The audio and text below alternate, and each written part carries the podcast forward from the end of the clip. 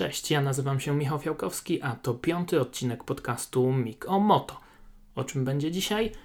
Oczywiście o najważniejszych wydarzeniach ze świata MotoGP w ostatnich dniach, a raczej ostatnich dwóch tygodniach, a więc e, zakończenie w praktyce chyba kariery przez Jonasa Folgera, prezentacja fabrycznego teamu Ducati i Alberto Pucz ponownie w zespole Repsol Honda, a na koniec konkurs. Jedziemy. Zaczynamy oczywiście od e, Jonasa Folgera. Powiedziałem, że zakończył karierę. Napisałem tak też e, w jednym z artykułów i ktoś w komentarzu zarzucił mi, e, że zaraz, zaraz, przecież to nie to samo. Jonas Folger powiedział jedynie, że nie wystartuje w sezonie 2018, a nie, że kończy karierę. No ale moim zdaniem może właśnie się to tak zakończyć, ale od początku. Jonas Folger, 24-latek z Bawarii, do MotoGP trafił na początku poprzedniego sezonu. E, podpisał kontrakt z zespołem Monster Yamaha Tech 3. Dwa lata temu ten kontrakt został ogłoszony na torze Le Mans i wtedy na szefa zespołu Hervé Poncharala spadła może nie fala krytyki, ale rzeczywiście było dużo takich krytycznych głosów. No jak to, dlaczego? Przecież ten Folger za wiele nie pokazał w Moto 2. Wcześniej oczywiście miał przebłyski w 125 i w Moto 3 wygrywał wyścigi, ale w Moto 2 jeździł bardzo mocno w kratkę. Był bardzo nierównym zawodnikiem, miał dużo różnych problemów. Decyzja była zaskakująca, ale tempo Folgera w poprzednim sezonie, przynajmniej w jego pierwszej połowie, było naprawdę imponujące. Co prawda jego zespołowy kolega e, Joan Zarko no był jednak szybszy, ale mimo wszystko Janas Folger robił bardzo dobrą robotę i stanął też na podium przed własnymi kibicami na Sachsenringu, tam pokonany jedynie przez e, Marka Marqueza, a później w drugiej połowie sezonu rozpoczęły się e, problemy. Najpierw wywrotka w Aragonii, a później opuszczone cztery ostatnie wyścigi sezonu. Folger poleciał do Japonii na Grand Prix na torze Motegi, ale nie zobaczyliśmy go na torze. Nie wyszedł nawet z hotelu, a to dlatego, że był bardzo mocno osłabiony. Wrócił do Europy, miał opuścić dwa wyścigi, opuścił ostatecznie cztery. Zdiagnozowano u niego e, zespół Gilberta. E, to jest choroba genetyczna, zaburzenie e, metabolizmu, które powoduje, że we krwi nadmiernie gromadzi się bilirubina. Powoduje to osłabienie, przemijające żółtaczki, no i generalnie wymaga e, zmiany diety, trzeba unikać alkoholu, trzeba unikać stresu, ale no nie jest to jakaś bardzo niebezpieczna, groźna choroba, można z tym żyć. Ma to podobno 7% e, populacji, głównie właśnie, właśnie mężczyźni. No i Jonas Folger wracał, wracał do zdrowia, wydawało się, że wszystko jest w porządku. Co prawda pod koniec listopada opuścił te prywatne testy, które Yamaha zorganizowała na torze e, Sepang, ale e, później nagrał świąteczne życzenia dla kibiców. Wydawało się, że wszystko jest ok i że zobaczymy go w tym roku e, ponownie na torze. No ale tak się nie stało. W środę informacja prasowa od zespołu Monster Yamaha Tech 3, informacja prasowa też od Yamahy, że Jonas Folger nie wystartuje w MotoGP w sezonie 2018 E, jak on sam tłumaczy, nie wrócił jeszcze do 100%, e, zarówno fizycznie, jak i, i to jest bardzo ważne, mentalnie. E, to są jego słowa. Hervé Poncheral, szef zespołu, jest no, mocno zszokowany tym, tym wszystkim, co się wydarzyło, tą decyzją Jonasa Folgera, bo podobno jeszcze dwa tygodnie temu rozmawiali, wszystko się wydawało jest na dobrej drodze, Folger nie mógł się doczekać E, powrotu na motocykl, no a tutaj nagle e, taka zmiana, takie zmiana, zmiana podejścia, no i zmiana e, sytuacji. Hervé Poncharal udzielił ciekawego wywiadu wczoraj portalowi Speedweek, w którym powiedział, że jego zdaniem problem jest w 100% w głowie Jonasa Folgera, że on się po prostu wypalił, no i że to może być dla niego koniec kariery. No i ja tutaj zgodzę się z, z tą kwestią, że to rzeczywiście może być koniec kariery, bo tak jak mówiłem, ten kontrakt z zespołem Monster Yamaha Tech 3 dla wielu był mocno dyskusyjny. Wyniki Folgera w zeszłym roku były niezłe, no ale w tej chwili chłopak się wycofuje. Trudno będzie mu znaleźć e, nowy kontrakt e, na starty w MotoGP w sezonie 2019. No nie wierzę, że w takiej sytuacji Poncharal podpisze z nim e, nową umowę. Także te drzwi się raczej zamykają, a czy jakieś inne się otworzą w MotoGP? No ja szczerze mówiąc śmiem w to wątpić, ale obym był w błędzie, bo rzeczywiście Jonas Folger to jest e, bardzo dobry zawodnik. A czy rzeczywiście to wszystko jest w głowie? Czy Folger się e, wypalił? No nie ma tutaj e, co dyskutować z faktem, że rzeczywiście on tych problemów zdrowotnych miał w trakcie swojej kariery całkiem sporo. No i też w zeszłym sezonie, podobno już w Austrii, mówił o tym, że być może opuści wyścig, że nie chciał tam startować, że czuł się osłabiony. E, słyszałem też, że podobno w Aragonii były jakieś problemy, że gdzieś tam zasłabł za kulisami. E, wiemy o tym, że w 2011 roku e, zasłabł na torze i wtedy lekarze nie pozwolili mu startować w klasie 125. Zresztą no to był taki początek dla niego dużych problemów, bo on wtedy jako młody, bardzo dobrze się zapowiadający zawodnik trafił do zespołu Akiego Ajo razem z danym Kentem. E, miał ten trochę lepszy motocykl, no ale później po tym, co się wydarzyło w Brnie, ten motocykl mu e, zabrano, dostał tę maszynę e, dany Kent. Folger musiał się mocno wykazać później w, w Moto 3 i zrobił to. Trafił do Moto 2, no i znów pojawiły się takie problemy, znów pojawiła się taka jazda w kratkę. Wiemy o tych problemach różnych zdrowotnych, e, wirusach, tej e, owianej złą sławą e, chorobie pocałunków, z którymi też się, z którą się zmagał Jonas Folger. No teraz wygląda na to, że to wszystko właśnie jest spowodowane tymi, tymi czynnikami genetycznymi, ale moim też zdaniem to wszystko i tutaj też zgadzam się z Hervé Poncheralem, że to właśnie wszystko bierze się ze stresu, bierze się z nerwów. E, ja rozmawiałem z Jonasem Folgerem e, w tym roku w Brnie i nawet publikowałem niedawno ten e, wywiad na Motormanii w internecie. Pytałem wtedy Folgera o to, jak sobie radził z presją w tym debiutanckim sezonie w królewskiej klasie. On powiedział, że nie było to w ogóle dla niego problemem, bo nie było jakichś większych oczekiwań względem jego osoby, dlatego zupełnie, zupełnie nie musiał się tym martwić. No ale podobno szef zespołu też mechaników Gikulon mówił dziennikarzom o tym, że po tym podium w Niemczech e, Jonas Folger mocno się zmienił, że czuł tę presję zdecydowanie e, bardziej, a ja z kolei też w Brynie pytałem Erwę Ponszarala o te, o te relacje Joana Zarko i Jonasa Folgera, o to jak oni się zachowują przed wyścigami. I bardzo ciekawą rzecz powiedział mi Ponszaral, że o ile dla Joana Zarko E, ta presja, no to działała wręcz jak taki magnes, to, to go jeszcze bardziej napędzało, jeszcze bardziej go to e, pobudzało. E, z drugiej strony Jonas Folger miał z tą presją bardzo duże problemy, miał bardzo duże problemy z nerwami, podobno, no, no nie podobno, powiedział Poncharal, że po prostu on wymiotował przed wyścigami, był strasznie zdenerwowany, no i wydaje mi się, że to też miało tutaj bardzo, bardzo E, duży wpływ na, na to, co się działo z, z Jonasem Folgerem i może, ten, może te nerwy właśnie sprawiały, że e, Jonas Folger po prostu dostawał tego zaostrzenia jakby e, tych problemów związanych z zespołem Gilberta. I może właśnie dlatego ta przerwa od startów, od wyścigów będzie mu rzeczywiście bardzo pomocna. No musimy o tym pamiętać, że Jonas Folger to jest bardzo młody chłopak, 24-letni zaledwie.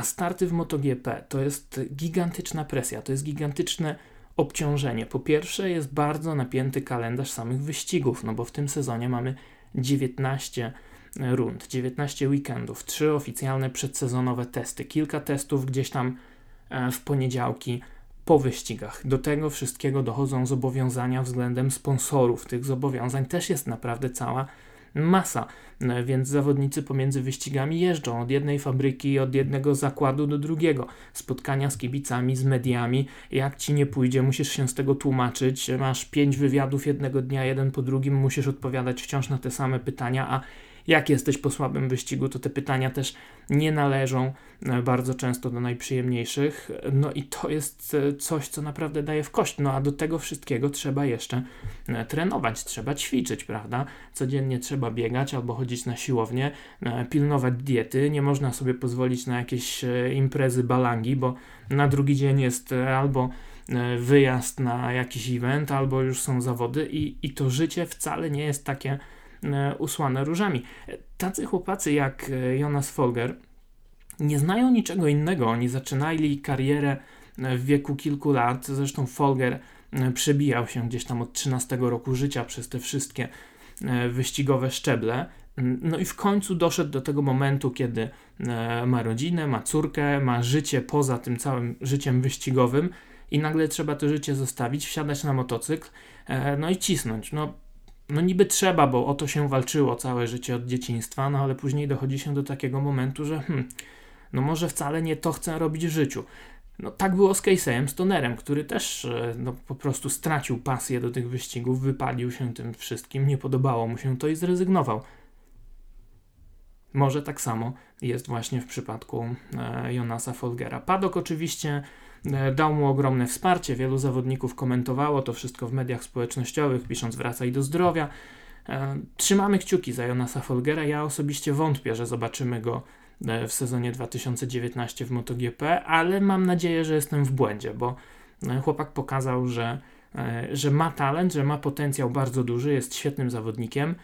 Jak sobie to wszystko gdzieś tam w głowie poukłada, E, to powinno być e, w porządku w głowie, no bo sam Hervé Poncharal też w, w kilku wywiadach, bo udzielił tych wywiadów e, kilka. Jest ten wywiad na Speedweeku, o którym mówiłem, jest wywiad na GP1 włoskim i w tych wszystkich wywiadach Hervé Poncharal podkreśla właśnie, że jego zdaniem to wszystko po prostu siedzi w głowie, że fizycznie już jest w porządku, bo Folger ćwiczy, trenuje, jeździ na nartach, więc wydaje się, że wszystko jest ok. Także trzymamy kciuki za E, Jonasa Folgera, ale no, ja trzymam też kciuki za Hervé Poncherala, który znalazł się w bardzo, bardzo e, trudnej sytuacji.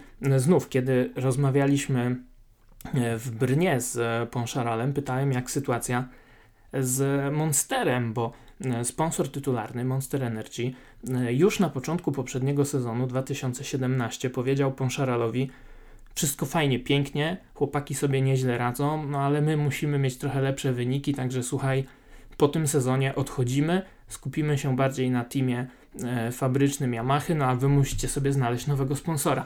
Tak było e, 12 miesięcy temu mniej więcej, na początku ubiegłego roku, kiedy e, Joan Zarco i Jonas Folger zaczęli te świetne wyniki pokazywać. Przede wszystkim e, Joan Zarco, który prowadził wyścig w Katarze, później prowadził i stanął na podium przed własnymi kibicami w, w Le Mans, francuskiej rundzie, której Monster był zresztą e, sponsorem tytularnym, no to wtedy Amerykanie jednak zmienili zdanie, powiedzieli ok, no to my się zastanowimy i jest szansa, że jednak zostaniemy. Ale w sierpniu, kiedy e, rozmawiałem z Poncheralem, jeszcze nie było decyzji i Erwe był trochę rozżalony, mówi no czekam, czekam, cały czas czekam, co ja mam teraz zrobić, nie wiem, czy mam szukać innego sponsora, e, czy jednak Monster zostanie. No jak widzimy, jednak został. Też licząc z pewnością na to, że Folger i e, Zarko będą robili te wyniki. E, teraz nie ma Folgera, no jest Zarko oczywiście i tutaj też te oczekiwania są bardzo duże i myślę, że w dużym stopniu będą spełnione, ale nie ma drugiego zawodnika. No i kogo teraz ściągnie w swoje szeregi Hervé Poncharal? On podkreśla, że na pewno nie będzie podkradał zawodników e, innym zespołom, no i to jest typowy Erwe. Gentleman pełną gębą od A do Z.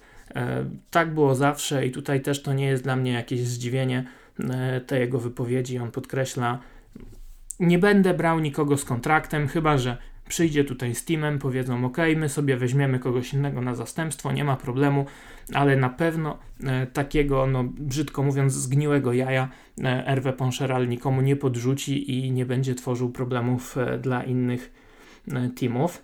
Ale to też sprawia, że ten wybór, jaki on ma, jest no bardzo ograniczony, bo e, Hervé powiedział, że chciałby zawodnika z kategorii Moto 2, takiego młodego, którego można rozwijać. Może to nie będzie jakiś stuprocentowo idealny wybór na ten sezon, ale jakiś dobry punkt wyjścia. No ale takich zawodników, którzy nie mają kontraktu, no to można ze świecą szukać. W tej chwili jest Sandro Corteze, ale z całym szacunkiem e, były mistrz świata Moto 3 nie pokazał zbyt wiele e, w klasie Moto 2. Oczywiście e, dzwonią, piszą, mailują do Hervé Poncharala niemalże wszyscy, no ale Hervé Poncharal mówi krótko, no to jest jeden z najlepszych motocykli w padoku i też wymaga odpowiedniego e, zawodnika. Podobno tam e, Reiterberger e, pukał do drzwi, ale Hervé Poncharal powiedział krótko w tym wywiadzie dla Speedweeka, Sorry, ale moi sponsorzy to nawet nie wiedzą, kto to jest, mimo że rzeczywiście Markus Reiterberger świetnie sobie radzi w endurance'ach, świetnie sobie radził w tym sezonie w, w stokach 1000, wygrał ten ostatni wyścig w Jerez. Także no, on odpada, odpada Sylvan Gintoli, z którym mają świetne relacje z Ponszaralem, ale e, Gintoli został kierowcą testowym e, Suzuki, odpada Stefan Bradl, bo jest kierowcą testowym Hondy w tej chwili.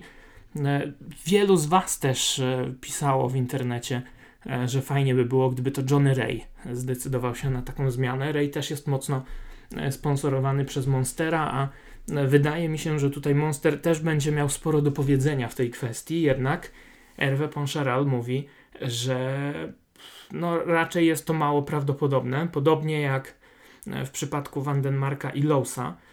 Chociaż moim zdaniem to się chyba właśnie w ten sposób e, skończy, że albo Vandenmark, albo Alex Lows przejdą właśnie do tego zespołu Monster Yamaha tych 3 e, z Yamahy z Superbike'ów, no a na ich miejsce, na jednego z nich e, miejsce wskoczy na przykład Kohta Nozane 22-latek, który jest kierowcą testowym Yamahy, który zastępował Folgera na torze e, Motegi w zeszłym roku, no i który też z Yamahą jest związany w wyścigach e, Endurance. To się wydaje takim moim zdaniem najsensowniejszym chyba e, rozwiązaniem, ale czy tak też rzeczywiście się stanie, czy jednak nie wezmą kogoś z Moto2.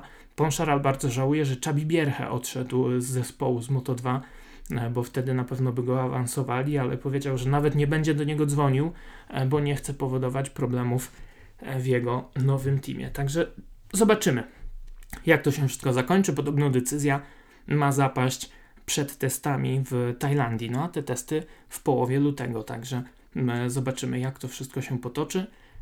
Trzymam kciuki raz jeszcze za Jonasa Folgera, trzymam kciuki za tych trzy, a my idziemy dalej bo kilka dni wcześniej, na początku tego tygodnia, w poniedziałek swój team zaprezentowało Ducati.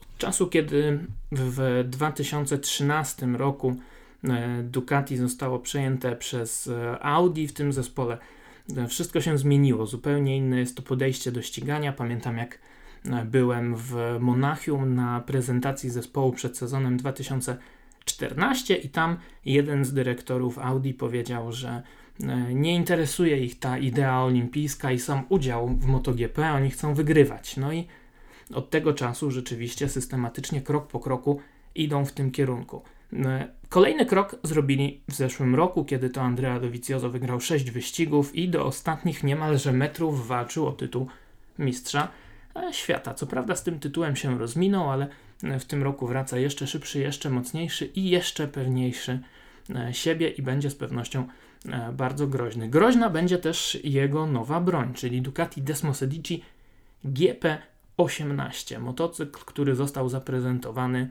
w Bolonii w poniedziałek. Moim zdaniem wygląda fantastycznie.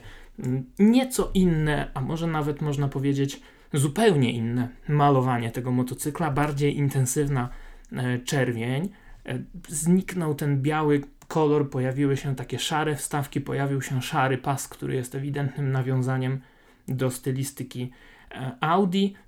Moim zdaniem te nowe barwy, nowe, nowe szaty wyglądają bardzo agresywnie, wyglądają trochę bardziej nowocześnie. No i e, ciekaw jestem, jak to będzie wyglądało w akcji podczas samych wyścigów. Niedługo się przekonamy. Jeśli chodzi o sam motocykl, który został zaprezentowany, no to ja rzeczywiście E, dałem się nabrać w pierwszej chwili i w tej analizie, którą możecie znaleźć na Motormani, e, opisywałem, co tam się zmieniło. Tutaj trochę inny wlot, tutaj trochę inny wydech, tutaj trochę inne to, tutaj trochę inne tamto. No a co się okazuje?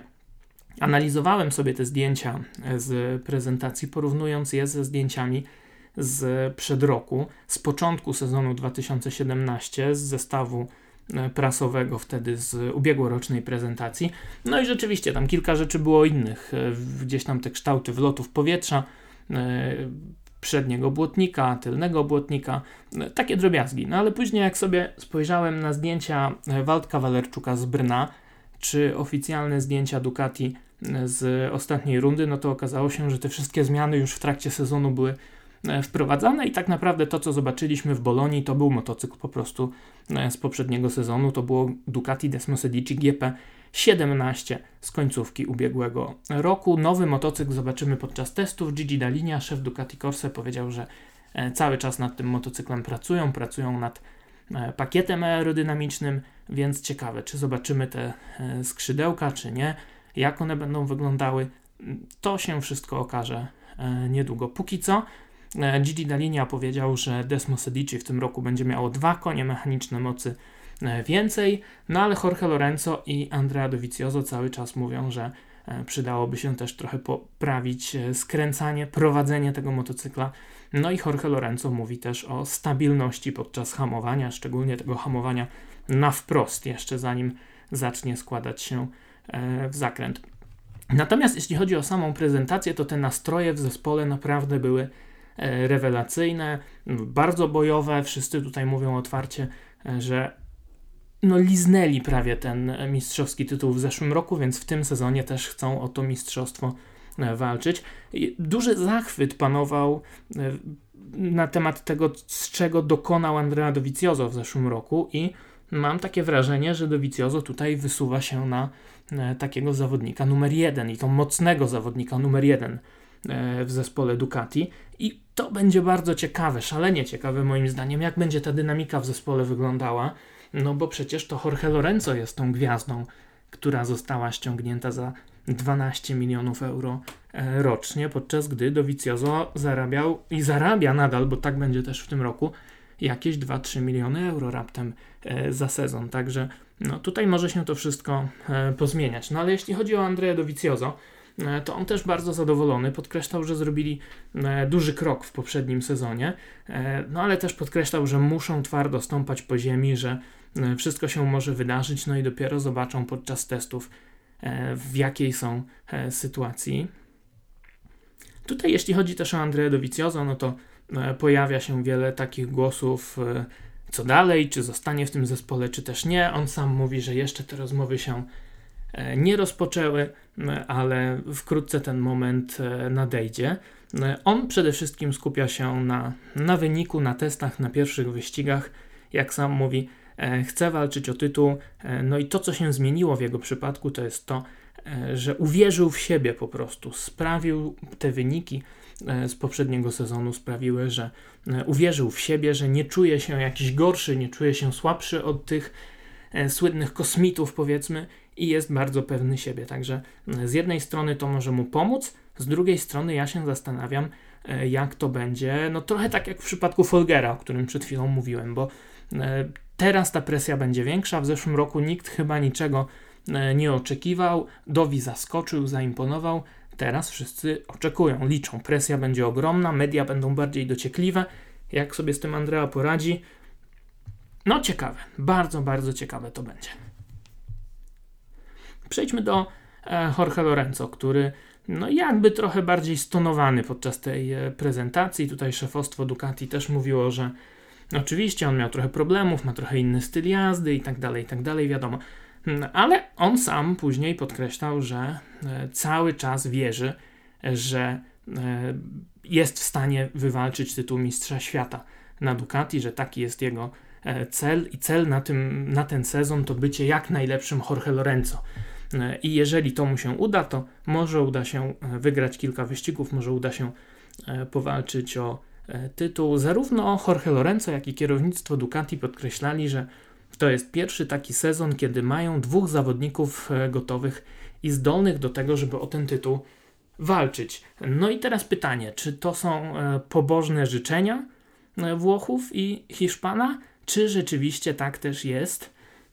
I jak spojrzymy na wyniki Jorge Lorenzo z drugiej połowy poprzedniego sezonu, no to rzeczywiście coś w tym jest, bo te wyniki były naprawdę e, solidne, były dwa podia, była równa, szybka jazda, więc może faktycznie Jorge Lorenzo ten krok e, zrobi do przodu.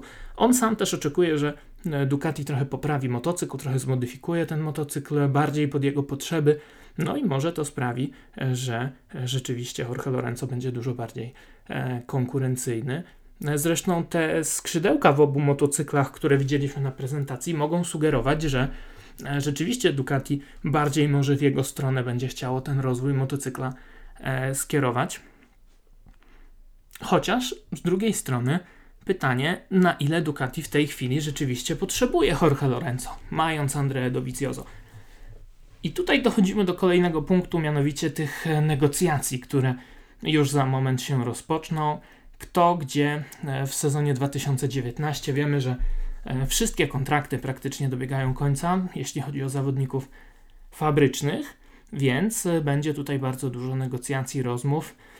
I Ducati mówi: No, nie będziemy tak szastać pieniędzmi, jak szastaliśmy, ściągając Jorge Lorenzo za te 12 milionów euro rocznie. Musimy do tego podejść z trochę większą skromnością.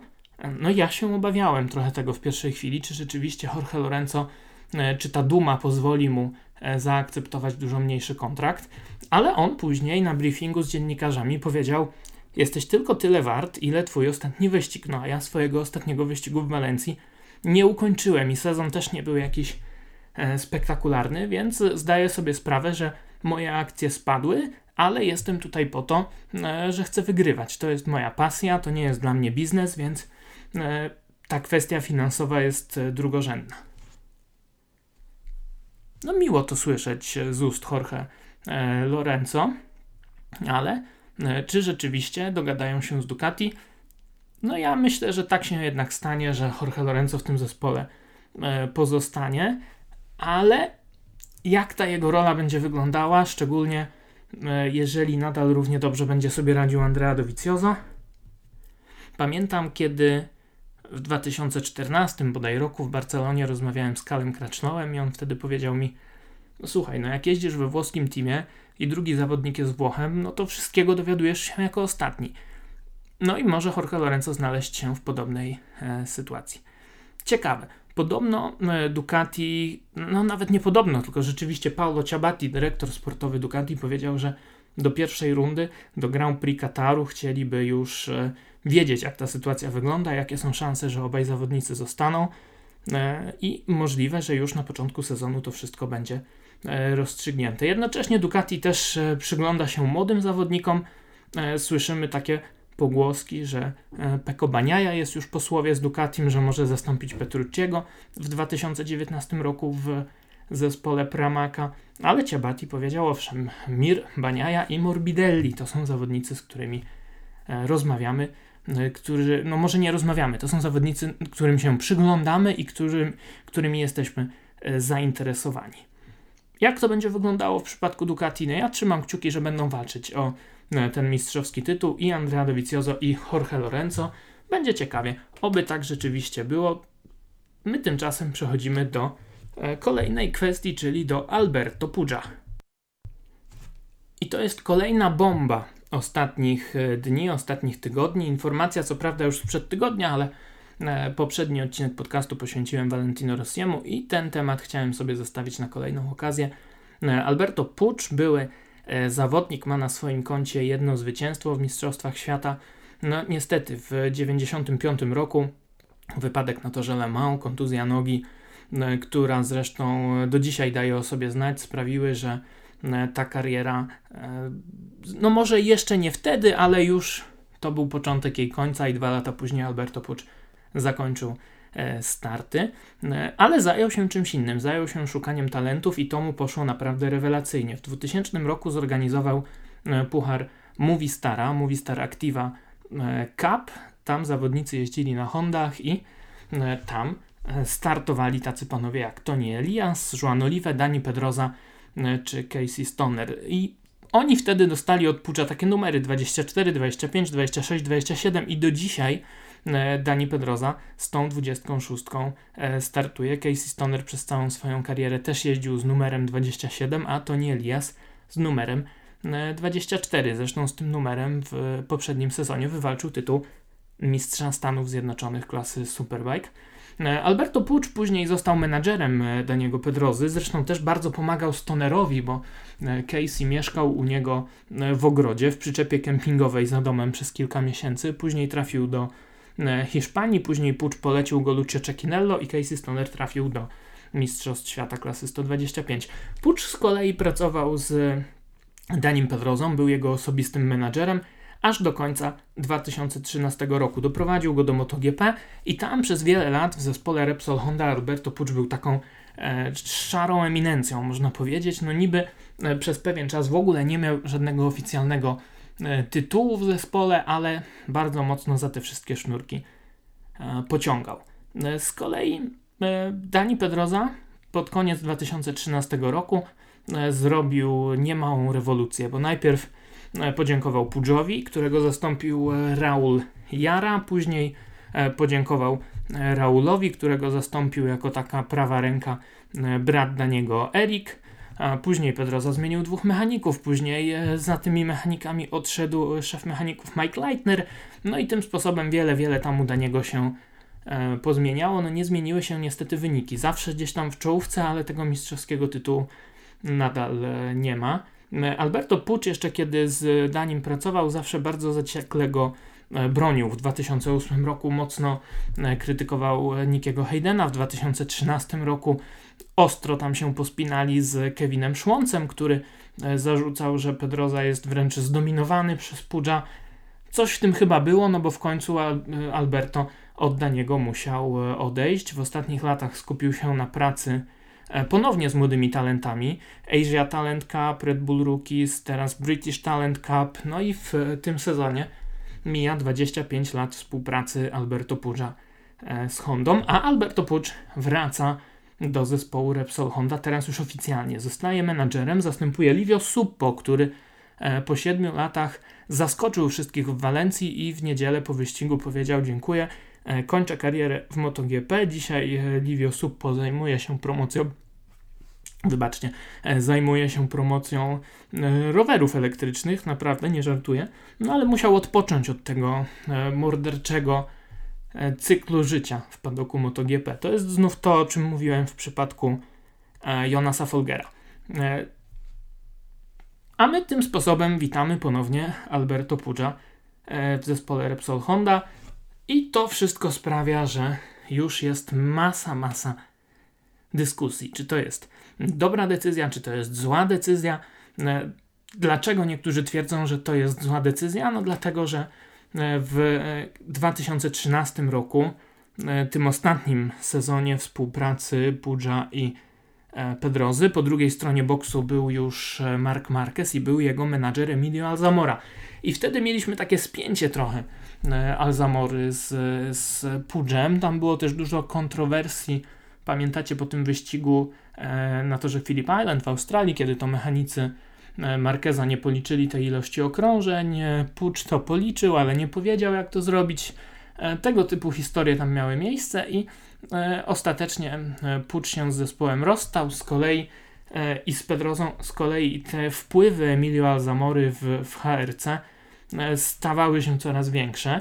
No i dzisiaj to Alzamora jest takim Puczem sprzed lat, bo ma ten team Monlau juniorski w Moto3, tam współpracuje z Hondą. Ma całą tą swoją szkołę w Hiszpanii dla mechaników, też współpracuje z Hondą. No a Alberto Pucz wraca. Teoretycznie jest byłym menadżerem Daniego Pedrozy, ale podobno te ich relacje też nie są najlepsze.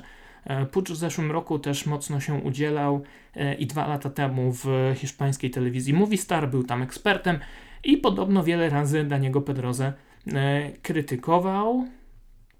No cóż, patrząc na wyniki Pedrozy, to czasami rzeczywiście kilka może gorzkich słów było zasłużonych. Na ile ta krytyka rzeczywiście sprawiła, że oni się już z Pedrozą nie lubią? No, może to wszystko są tylko plotki rozdmuchane przez media. Zobaczymy, jak to będzie w rzeczywistości wyglądało w trakcie sezonu. Z kolei, dlaczego ta decyzja może być e, dobra, no i moim zdaniem jest bardzo dobra, no to przede wszystkim dlatego, że Alberto Pucz doskonale się odnajduje w padoku e, MotoGP, ma świetne relacje e, z organizatorami, z Dorną, jest świetnym strategiem, zna świetnie przepisy, zna świetnie padok. No i tutaj moim zdaniem tym teamem bardzo dobrze pokieruje. Będzie w stanie w jakichś takich trudnych sytuacjach też twardo negocjować i walczyć o swoje. No i to jest właśnie to, co było potrzebne po odejściu Livio Suppo. E, moim zdaniem Livio Suppo miał może trochę taki cieplejszy wizerunek niż e, Alberto Pucz, no ale też potrafił być e, równie bezlitosny dla, dla swoich rywalów, dla swoich oponentów. Główne pytanie, jakie będą stosunki Pudża i Marqueza i Pedrozy, też w kontekście tego, o czym mówiłem przy okazji Ducati. Kończą się kontrakty, także kontrakty Marqueza i Pedrozy. Czy jeżeli Pucz będzie jakby bardziej może po stronie Pedrozy, to czy Marquez jednak nie da się skusić KTM-owi, który chce o niego walczyć. No a może jednak te relacje wcale takie z Pedrozą Pucza gorące nie będą i może to Dani zdecyduje się z teamu odejść. Przecież wiemy, że on już w zeszłym roku E, bardzo ostro negocjował z Hondą. Nawet się pojawiły te plotki, e, że e, dołączy do Valentino Rossiego w zespole Yamaha. Pamiętacie? No ale mam dwa lata temu taka, taka wieść gruchnęła i wtedy Honda szybko tę umowę z Petrozą podpisała. No może tutaj Pucz na takie zagrywki nie da się nabrać. Bardzo, bardzo jest to ciekawe. Ja będę temu wątkowi na pewno się bardzo z dużą uwagą e, przyglądał w trakcie tego sezonu, a teraz już przechodzę do ostatniego wątku dzisiejszego podcastu.